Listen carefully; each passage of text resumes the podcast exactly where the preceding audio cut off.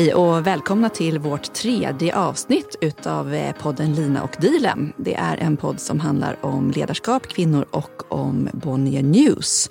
Och jag heter Lina Halmer och jag är CTO på Bonnier News.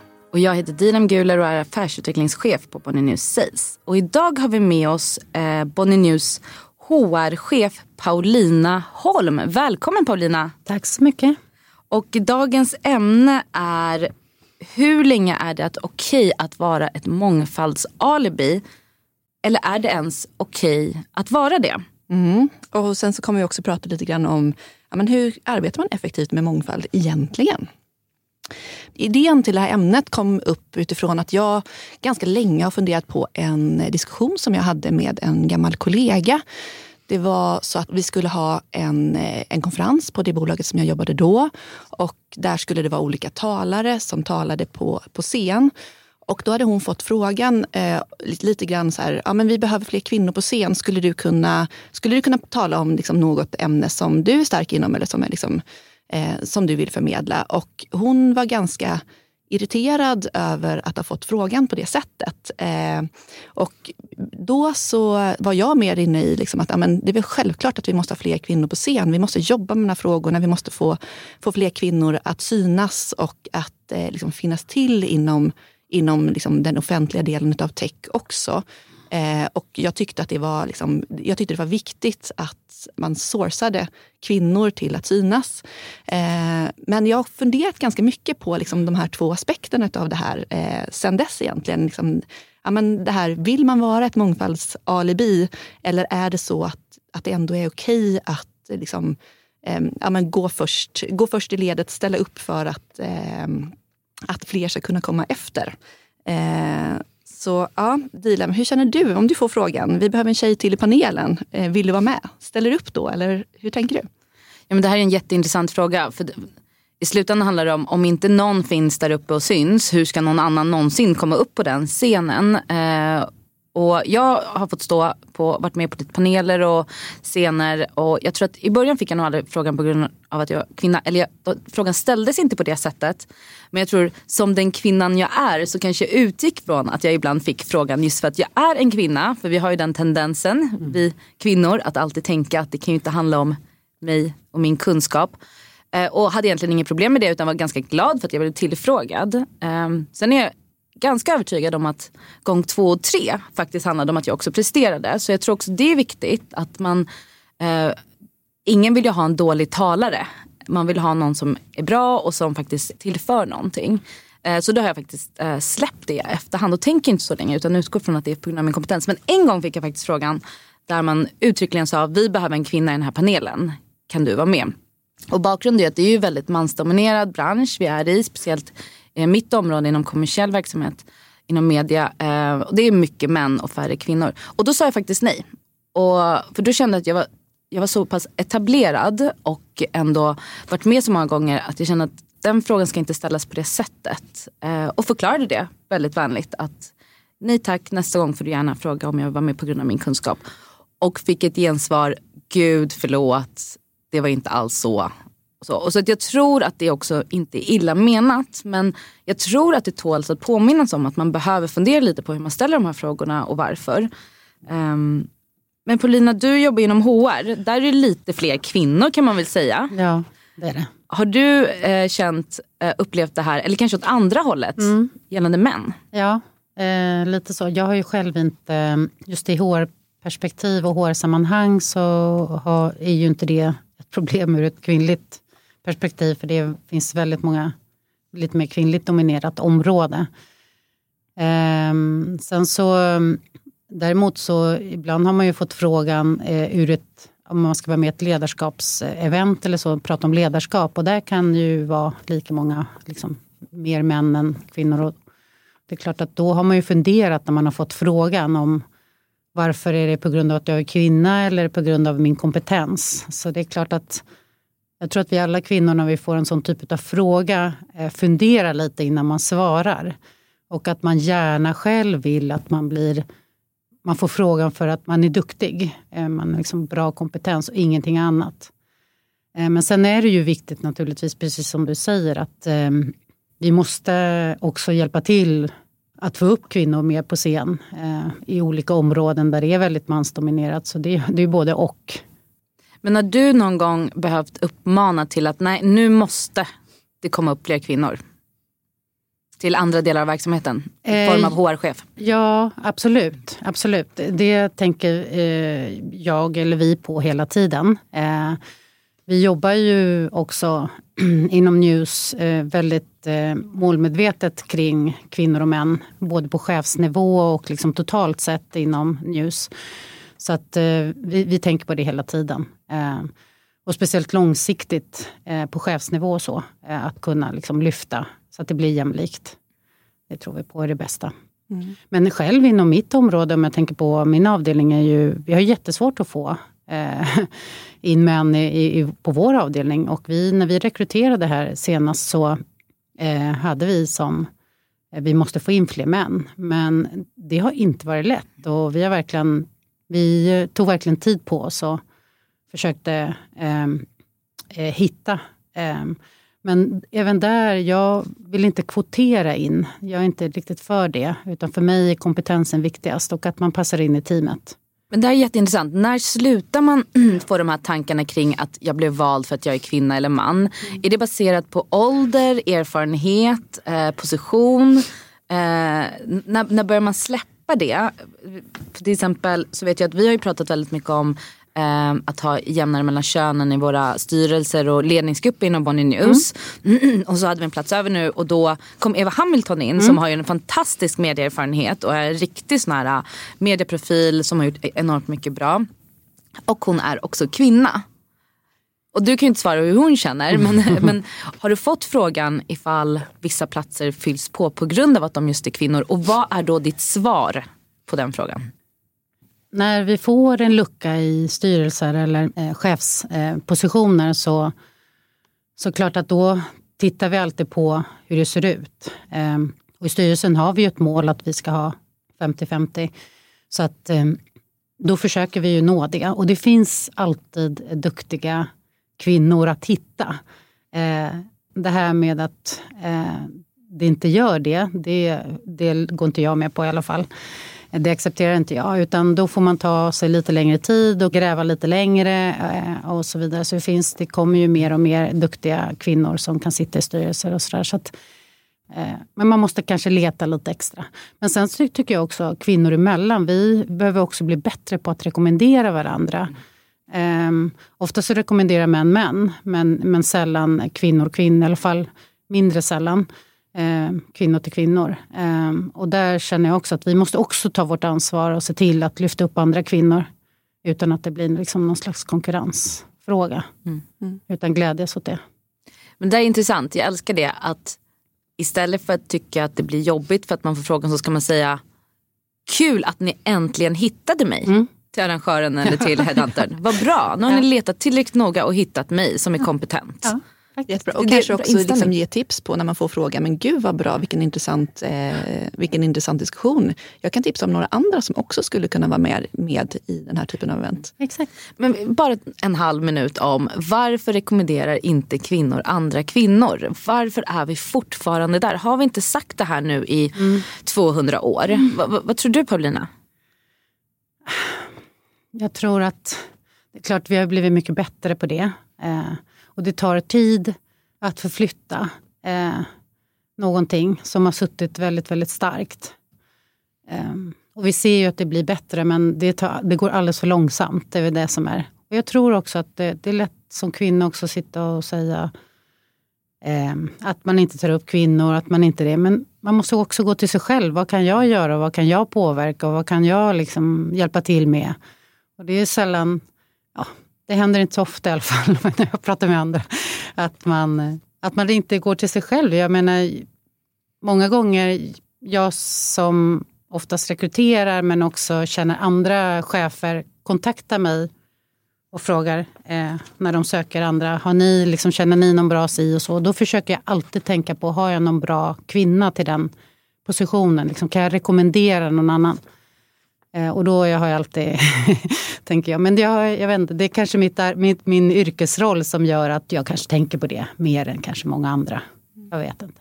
Men tror ni inte att det kan vara lite så här hönan och ägget också i, i så här, ja, men om man inte har om, om man, man får liksom frågan, ja, men skulle du kunna rekommendera någon till att vara talare på det här eventet eller vara liksom rim, läm, lämplig för den här rekryteringen eller vara med i den här panelen. Om man inte då har sett någon duktig kvinna på scenen som passar in på liksom ämnet och så mm. vidare. Mm. Eh, då är det svårt att rekommendera någon också. Så att lite grann så här, tror jag också att så här, vi, vi måste se till att liksom få kvinnor att liksom gå ut och ställa sig på scenen för att sen kunna bli rekommenderade till nästa scen och till nästa scen.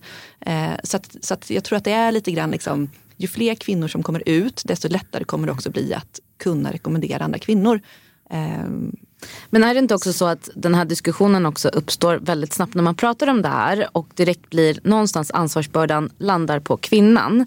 Men om man tittar på lite andra diskussioner som är väldigt populära just nu med liksom hela det här normkritiska tänket och bara i din bransch eh, Lina med eh, developers bias och sådana frågor som är väldigt intressanta. Jag lyssnade på en föreläsning kring AI där man pratade mycket om det. Mm. Handlar det egentligen inte om att man ska se till att de som faktiskt rekryterar eller arrangörerna tänker på hur de rekryterar. Ja men verkligen. Det är ju superviktigt att man liksom har det med sig. Och jag, vet, jag, jag ser ju själv liksom ganska ofta på olika forum som jag är med i eh, på ja, internet. Eh, om liksom så här, eh, lägger upp en bild på här, här är alla talarna till den här konferensen, inte en enda kvinna. Och sen mm. så är, liksom, är det jättemånga mm. skitförbannade kvinnor och så, så, skriver man in dit och de bara, ja men det är så svårt att hitta hitta och mm. sådär.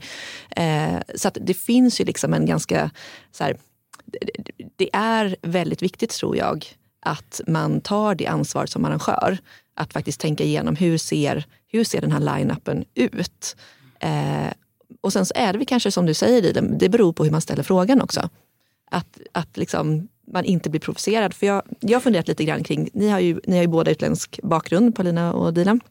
Eh, och så här, det är ju liksom, nästan socialt accepterat att fråga, vill du vara med i den här panelen för, för vi behöver en tjej? Eh, hur skulle ni reagera på ifall det var någon som frågade, att vi skulle behöva ha liksom, lite mer etnisk mångfald i den här panelen. Skulle ni kunna tänka er och kan, kan inte ni ställa upp? Ja, men, dels då vill jag bara outa dig Lina, för innan frågade du faktiskt mig om, om det var okej att fråga den här frågan. Och det tycker jag ringar in problemet ganska mycket. Jag tycker det finns någonting härligt i att vi pratar om det här. För det gör man väldigt sällan. Det känns väldigt enkelt att prata om könen. Mm. Eh, men när det kommer till andra eh, olika sorters eh, mångfaldsfrågor så blir det lite jobbigt. Det kliar lite när man frågar och man känner sig, ah, kan jag verkligen fråga det här? Jag har faktiskt aldrig fått den frågan på det sättet och jag vet faktiskt inte hur jag skulle reagera. Jag tror att å ena sidan mitt rationella jag hade sagt yes, äntligen. För det är extremt få personer med eh, annan bakgrund än svensk etnisk bakgrund på senare paneler som syns inom vår värld. börjar bli mer och mer men inte tillräckligt mycket skulle jag säga. Eh, men å andra sidan tror jag att jag skulle också känna att, att blev det min identitet nu helt plötsligt? Att jag är den utländska mm. på scenen. Mm. Eh, och vet inte riktigt hur, hur jag skulle känna för det. För det kanske inte är det jag identifierar mig mest som. Om jag ska lista upp vem är jag mm. så står det inte först på min lista mm. utländsk eller för den delen kvinna utan en massa andra saker. Vad skulle du säga Paulina, har du varit med om det eller hört om det? Eh, nej men jag håller nog eh, med dig. Sen tror jag, sen tror jag också att man det, den här frågan blir ju känslig när man, pratar, när man börjar prata om utländsk bakgrund. Jag tror att många är rädda för att liksom, Eh, att man ska bli eh, ifrågasatt och vara rasistisk eller sådana typer av... Och därför så undviker man kanske det. Eh, jag har aldrig fått frågan för att du har utländsk bakgrund. Ehm, däremot ehm, skulle jag få frågan så skulle jag å ena sidan tycka att det är bra att, för att de har tänkt på det. Eh, men naturligtvis återigen hoppas eh, och också ifrågasätta om jag är där för det eller om jag är där på grund av min kompetens.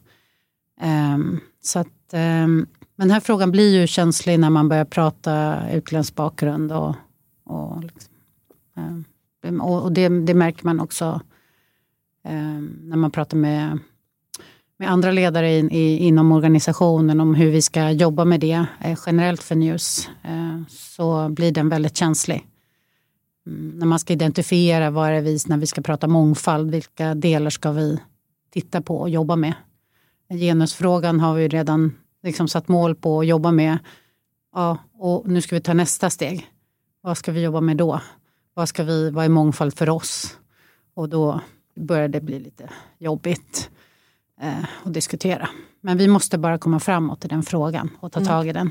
Tycker jag. Ja men precis, men jag tror att det är, där handlar det ju mycket om eh, om att fundera kring varför vill vi ha mångfald? Vad är det vi vill uppnå med, med mm. när vi pratar om mångfald? Mm. Eh, och, och inte bara liksom någonstans ha det som en statistik i att eh, ja, men, eh, vi rekryterar de här personerna för att vi ska få liksom mångfaldspinnar i vår statistik eller vi tar upp den här personen på scenen för att den ser annorlunda ut eller den liksom, ja, på olika aspekter. så liksom, utan, utan faktiskt liksom någonstans landar i vilka, varför är det viktigt för oss att vi mm. får in de här olika perspektiven. Mm. Eh, och att man i arbetet också eh, liksom, verkligen, så här, vi tar inte in folk för att de är annorlunda och sen förväntar vi oss att de ska passa in i vår mall. Eh, utan faktiskt liksom jobbar med hur kan vi skapa en miljö där alla de här personerna som, som har olika perspektiv, som, som är olika, eh, faktiskt liksom, där det bidrar till, till att vi blir bättre helt mm. enkelt. Mm. Och Det tror jag är jätteviktigt att fundera över och också titta. Vi vet ju att det finns eh, eh, undersökningar som visar på nyttan av olikheterna och vad det bidrar till organisationen. Eh, och, och det måste vi prata om eh, så att alla förstår varför. Men ehm, bestämmer man sig för att göra det, vilket vi vill, så måste vi också jobba jättemycket med kulturen med kulturen och acceptera att vi är olika och att vi får vara olika och att det är det som är eh, liksom nyttan och fördelen. Och, och det är också ett, ett, arbete som tar tid och som vi måste liksom skapa och prata om och, och, så. tror jag är superviktigt. Ja men verkligen. Men det finns också en liten utmaning i hela den här diskussionen mm. och det är att man kanske ibland per automatik kopplar ihop eh, etnisk bakgrund eller kön med att man får ett nytt perspektiv. För så behöver det faktiskt inte alltid vara. Och att då som icke-norm behöva bära den här bördan av att komma med ett nytt perspektiv till en organisation kan också vara ganska tungt. Mm. När man kanske ibland inte känner att man är utmärkande på något sätt förutom kanske ett utseende eller ett kön. Och kanske inte vill vara det heller. Precis, så jag, jag tror att det handlar väldigt mycket om kanske diskussionen eh, kring olikheter och att det inte behöver per automatik betyda att om man ser olika ut så får vi olika perspektiv. Mm.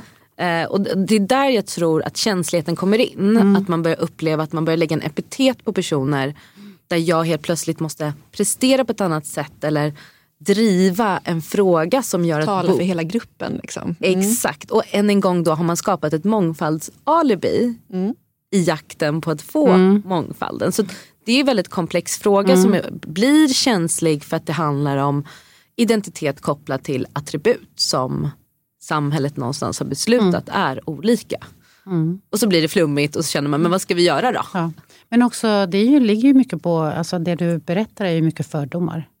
Alltså över att ser man ut på ett visst sätt så tänker man på ett visst sätt eller ja, har en speciell religion fast det kanske inte alls behöver vara det för att jag kommer från ett visst land utan jag kan ha en annan religion. Alltså det är väldigt mycket fördomar och det är kanske det vi behöver prata om mer. Mm.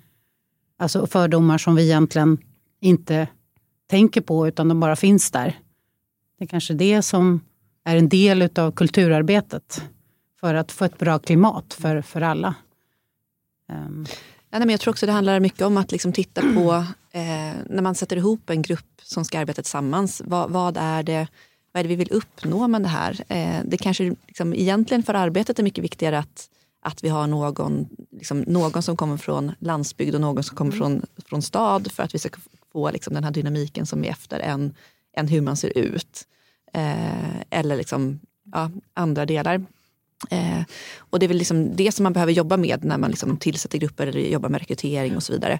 Men jag tror också att det, liksom för att vi ska kunna skapa en miljö där, där vi kan ta hand om alla olikheter och liksom få dem att blomma mm. så tror jag det handlar väldigt mycket om att skapa känslan av att alla är respekterade för, för liksom den de är. Oavsett ifall man identifierar sig liksom med olika eh, liksom, mångfaldsaspekter eller inte eller vad man vill, vill göra men att alla känner sig respekterade och att alla får komma till tals och bli lyssnade på. Eh, det är liksom nog en väldigt grundläggande fråga i, mm i hur vi kan skapa ett liksom, inkluderande, en inkluderad arbetsplats där vi liksom, också kan eh, få det här mångfaldsfröet att gro. Men, men, men också tror jag att många bolag nu gör sådana här eh, tester på sina anställda där man får gå in och liksom testa sin egen eh, sina egna fördomar med ganska så neutrala frågor kring hur man ser på olika saker. Eh, och det tycker jag är väldigt spännande för att man kan prata om det väldigt mycket men jag tror inte någon vill identifiera sig själv som någon som har fördomar. Mm. Eh, vi gör ju de här testerna för att se hur stresståliga vi är, hur vi funkar i grupp. Och, och liksom målet kanske inte ska vara så här, nu ska vi sätta dit dem med fördomar utan snarare att man själv då får se sitt resultat Eh, och se, men oj då, här var jag lite mer åt det här hållet. Eh, och det kan ju handla om massa olika saker. Så det mm. tycker jag att Paulina ska kolla mm. upp. Det var ett bra tips. Nej men verkligen. Nej, men jag, tror att det, jag tror att det finns också underliggande fördomar som man inte är medveten om själv. Som du säger, jag tror att jag inte har några, men jag har ju det också. Fast jag inte riktigt är medveten om det. Och det, är väl, det, det låter jätteintressant att kunna titta på det. Jag tror just det här att liksom bli medveten om sina, sina fördomar gör ju också att vi kan aktivt välja bort att agera på dem. För någonstans är det ju, det är ju liksom orimligt att tro att vi inte... Jag är helt fördomsfri. Jag har inga fördomar. Eh, går man runt och tror det så då kommer man ju verkligen eh, agera fel i situationer för att man, liksom, man har ingen som helst medvetenhet om att man faktiskt kan agera på ja, olika typer av eh, eh underliggande fördomar. Jo, det kan ju handla om sådana saker som hur man uttrycker sig i presentationer, hur ansökningar ser ut, hur man uttrycker sig på sin eh, employment branding eh, annons och så vidare. För det, det, finns ju massa faktorer. Det kan ju finnas socioekonomisk bakgrund, liksom vilket språk använder vi, hur tillgängliga är vi? Så jag tror att de frågorna behöver man nog liksom, kanske nästan börja med innan mm. man börjar med nu ska vi eh, göra det här och det här. Utan hur är vårt, hur tillgängliga är vi i vår kommunikation? Och bara då göra en genomgång av det hade ju varit superintressant mm. att se mm. vart det landar. Verkligen. Och också tänker jag kring, kring det här med att man väldigt, väldigt, bara på ett par sekunder avgör ifall en person, ny person man träffar är liksom, i min grupp eller inte. Liksom in-group, out-group-tanken. Eh, eh, och att liksom någonstans medvetet göra sig själv eh, kring det här att ja, men jag, jag gör en jättes, min hjärna gör en jättesnabb bedömning utav alla personer jag möter. Eh, och ska jag, liksom, ska jag bara liksom låta, den, eh, låta det vara eller ska jag börja ifrågasätta mig själv i den här bedömningen? Eh, tror jag också är otroligt viktigt i hur vi liksom bemöter andra människor.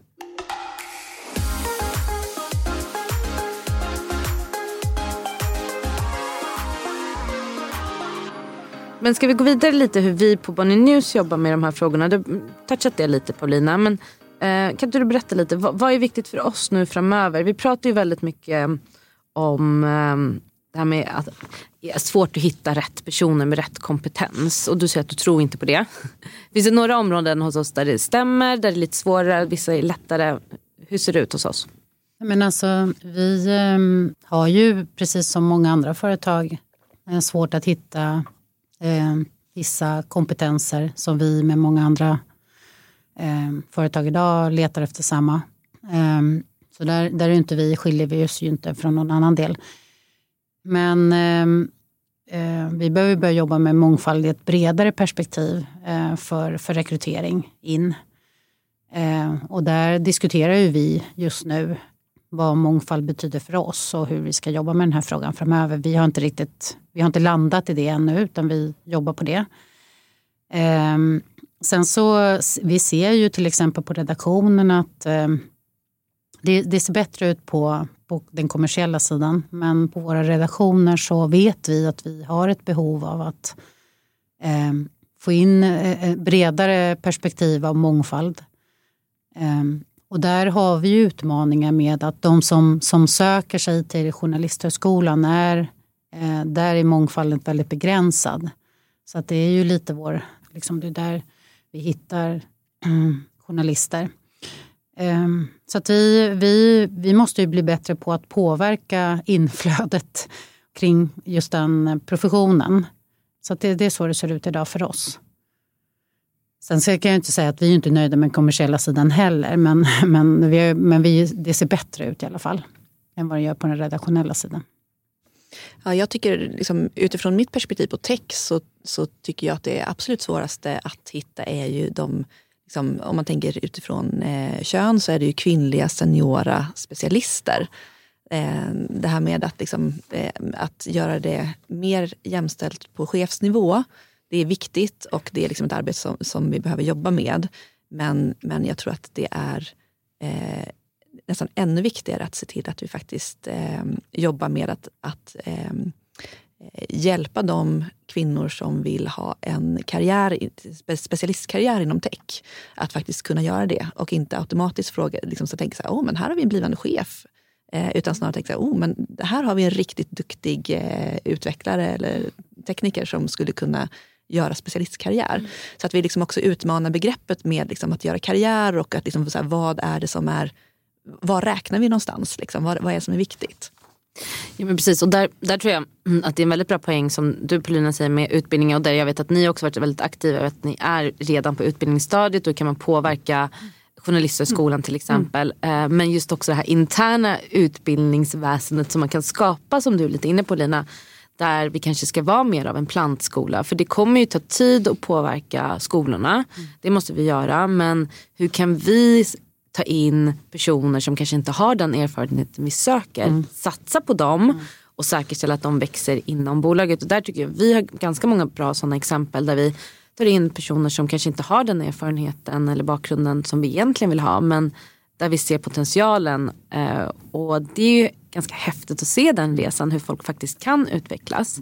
Mm. sen på den kommersiella sidan har vi också vissa fördelar med att språk inte är lika högt krav kanske och det finns andra saker som um, inte blir lika viktiga men där kanske viljan att lära sig och drivet är det som är det primära. Uh, så plantskola är någonting som jag tycker är jätteviktigt och vill lägga ner ännu mer tid på och kanske få ja, men, vad, vad, kan man ha få för förutsättningar som chef eller verktyg för att faktiskt skapa det. Mm. Ett en egen högskola mm. på Bonnier News. Mm. Liksom.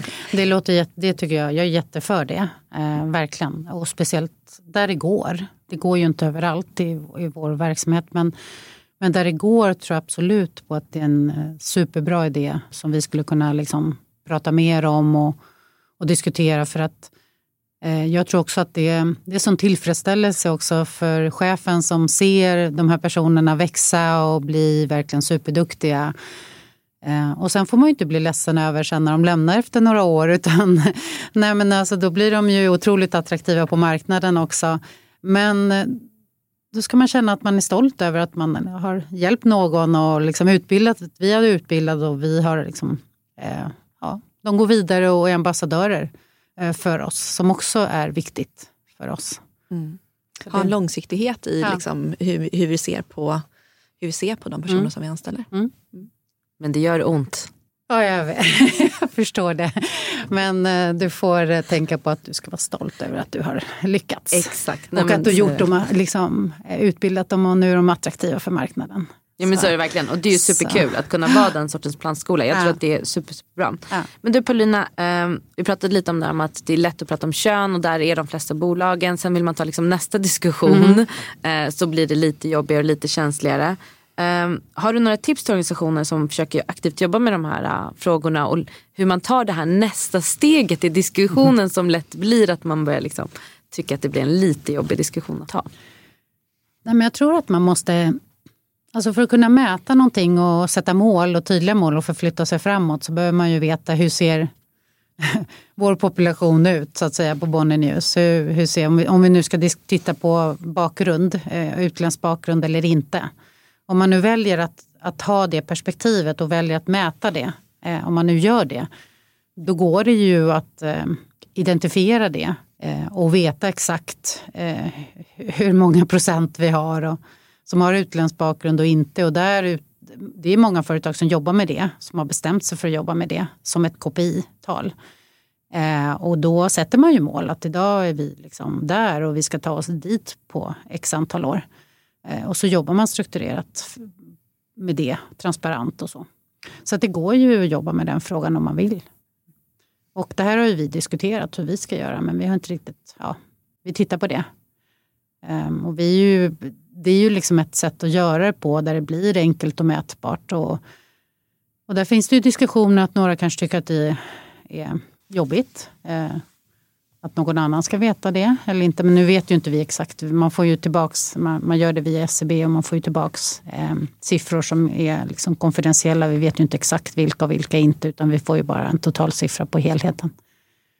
Men eh, det tror jag är ett jättebra verktyg för att liksom, våga prata om det och gå vidare på något sätt. Jag menar, börjar man prata om att det känns lite hit och dit, då, då spär man ju på det där hela tiden själv. Så att eh, våga diskutera och ta det framåt på något sätt. Det är min inställning i alla fall. Ja, men det känns ju som att, så var det säkert också tidigare när man pratade om liksom, eh, kvinna man.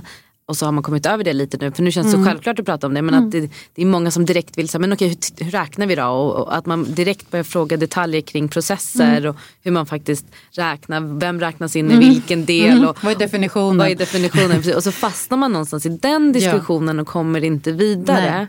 Eh, och det tror jag inte gynnar någon. Eh, även fast jag också direkt vill fråga massa mm. frågor om hur det där urvalet görs. Men när blir det känsligt då? Om man börjar kolla så här, socioekonomisk bakgrund. Ja. Sexuell läggning. Alltså ja. vart drar man gränsen för att det börjar bli känsligt skulle du säga?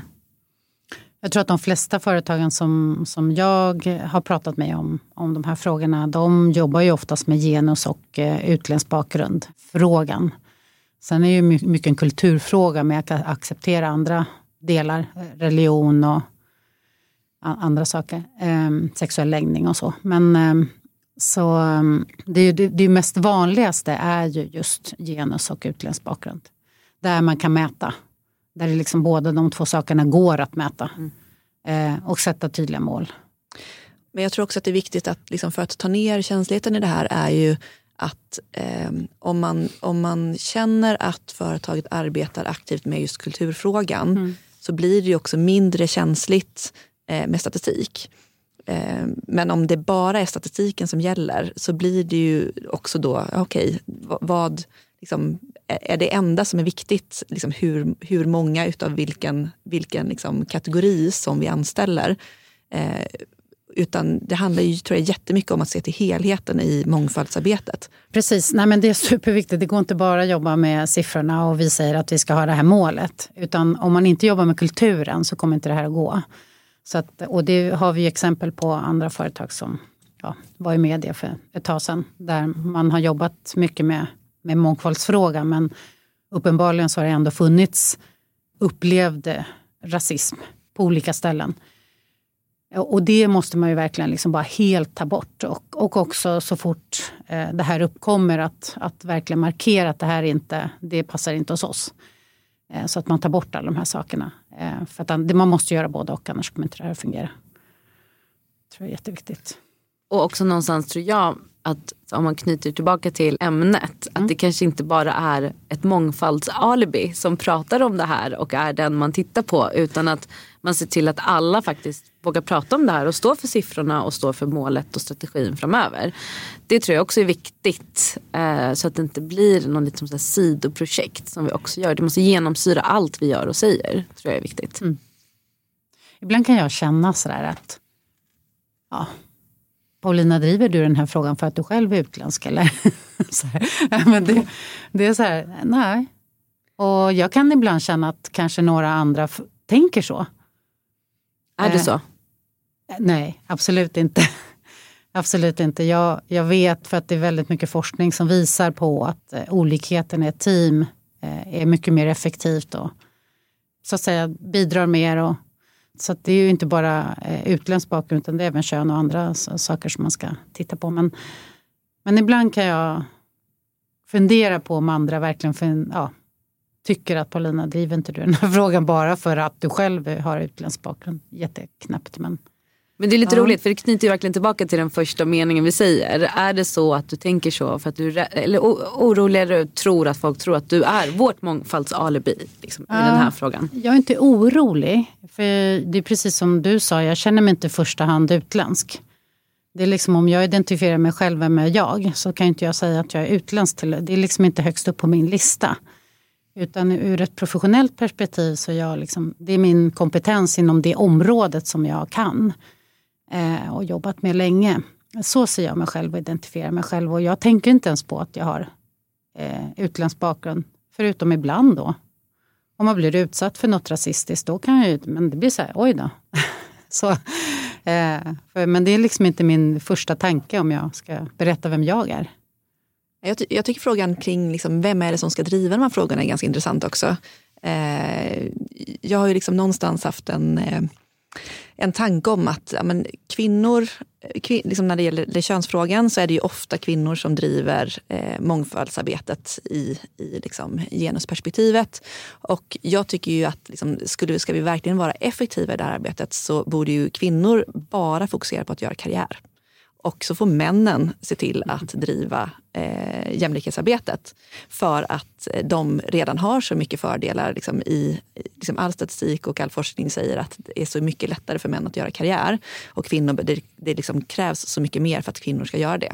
Så därför borde kvinnor fokusera på att göra karriär och män eh, ska se till att, att lösa jämställdheten. Ja. Eh, och det kanske är lite samma sak, liksom att vi, här, vi behöver se till att alla hjälps åt att eh, lyfta de här frågorna och driva de här frågorna och inte bara de som, eh, som eh, känner sig berörda.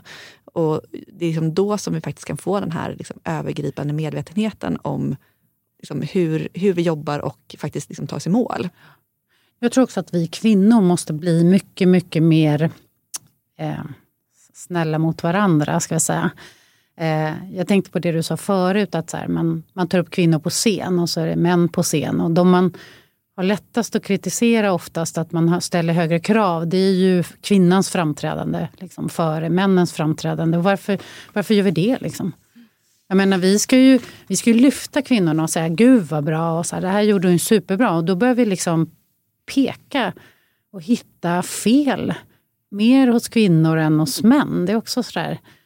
Eh, där är ju kraven, vi ställer mycket högre krav på kvinnans eh, framförande än vad männen är, gör. Och det känner jag också, så här, vi måste tänka oss för.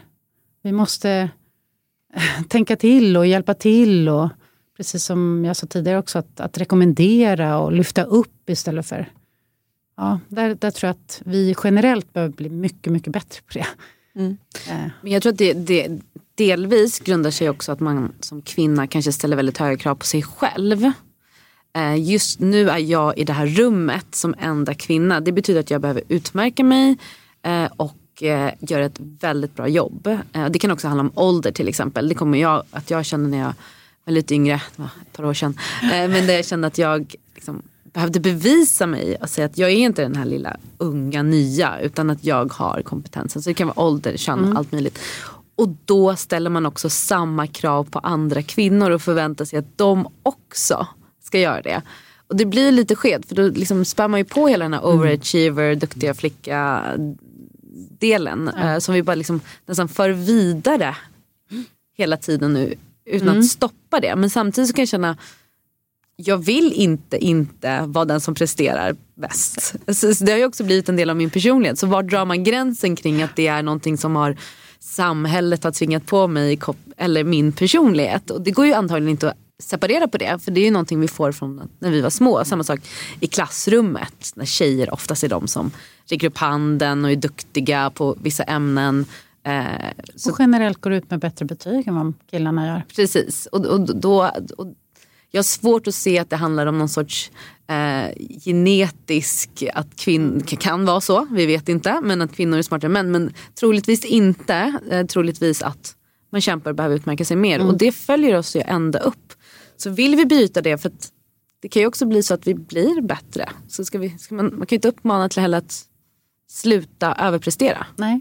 Nej, jag tror inte att vi ska ändra just på det. Men vi ska nog tänka till när vi liksom pratar med andra om andra kvinnors resultat eller prestationer, liksom, prestationer och sådana saker. Jag tror att vi ska tänka till på det och och kanske vara lite mer snälla mot varandra. vad ska jag säga. Och jag tycker Och snälla mot, varandra. snälla mot oss själva också. Mm. I att faktiskt så här, ja, men det var inte perfekt det här framträdandet men, men det var bra. Ja. Att kunna liksom så här, ja. men jag gjorde det riktigt bra. Ja. Eh, det fanns några liksom grejer där, jag stakade mig lite här eller jag eh, råkade säga fel till den här grejen. Men, men jäklar, jag gjorde det bra. Att kunna liksom klappa oss själva på axeln tror jag är en otroligt viktig del i att liksom, ja, men, någonstans kunna slappna av lite i den här situationen. Liksom, Mm. att, eh, ja.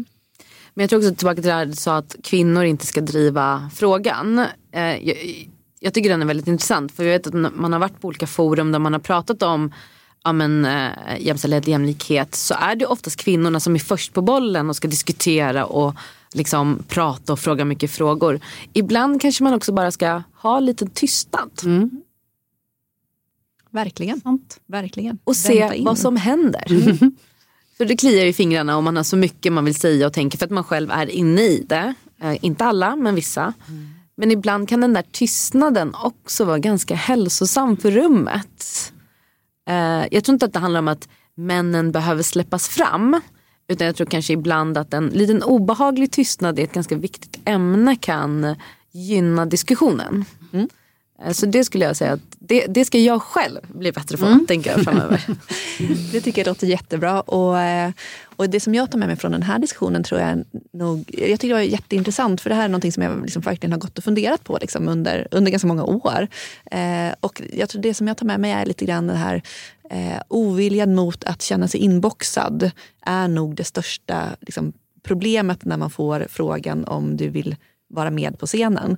Eh, och kanske så här, bara släppa den. Liksom. Så här, boxa inte in mig, men jäklar jag ska stå där. Liksom. Ja men verkligen. Se sig själv som en del i kampen tänker jag. Eh, och inte ta det som det har någonting med mig själv att göra och lita på sin kompetens som i slutändan ändå kommer synas. Precis. Vad säger du Paulina?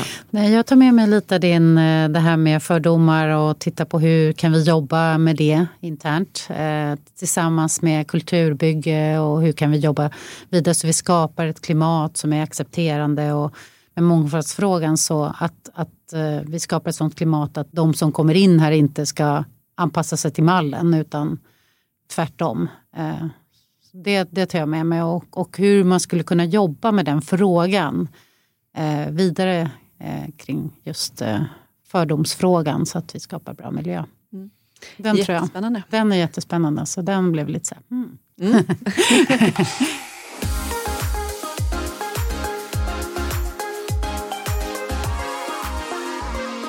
Tack för idag. Tack alla som lyssnade. Och, eh, vi kommer snart eh, ut med avsnitt nummer fyra eh, i den här, så stay tuned. Det gör vi. Tack allihopa. Hej då. Och tack Hej då. Paulina. Tack, tack. Hej.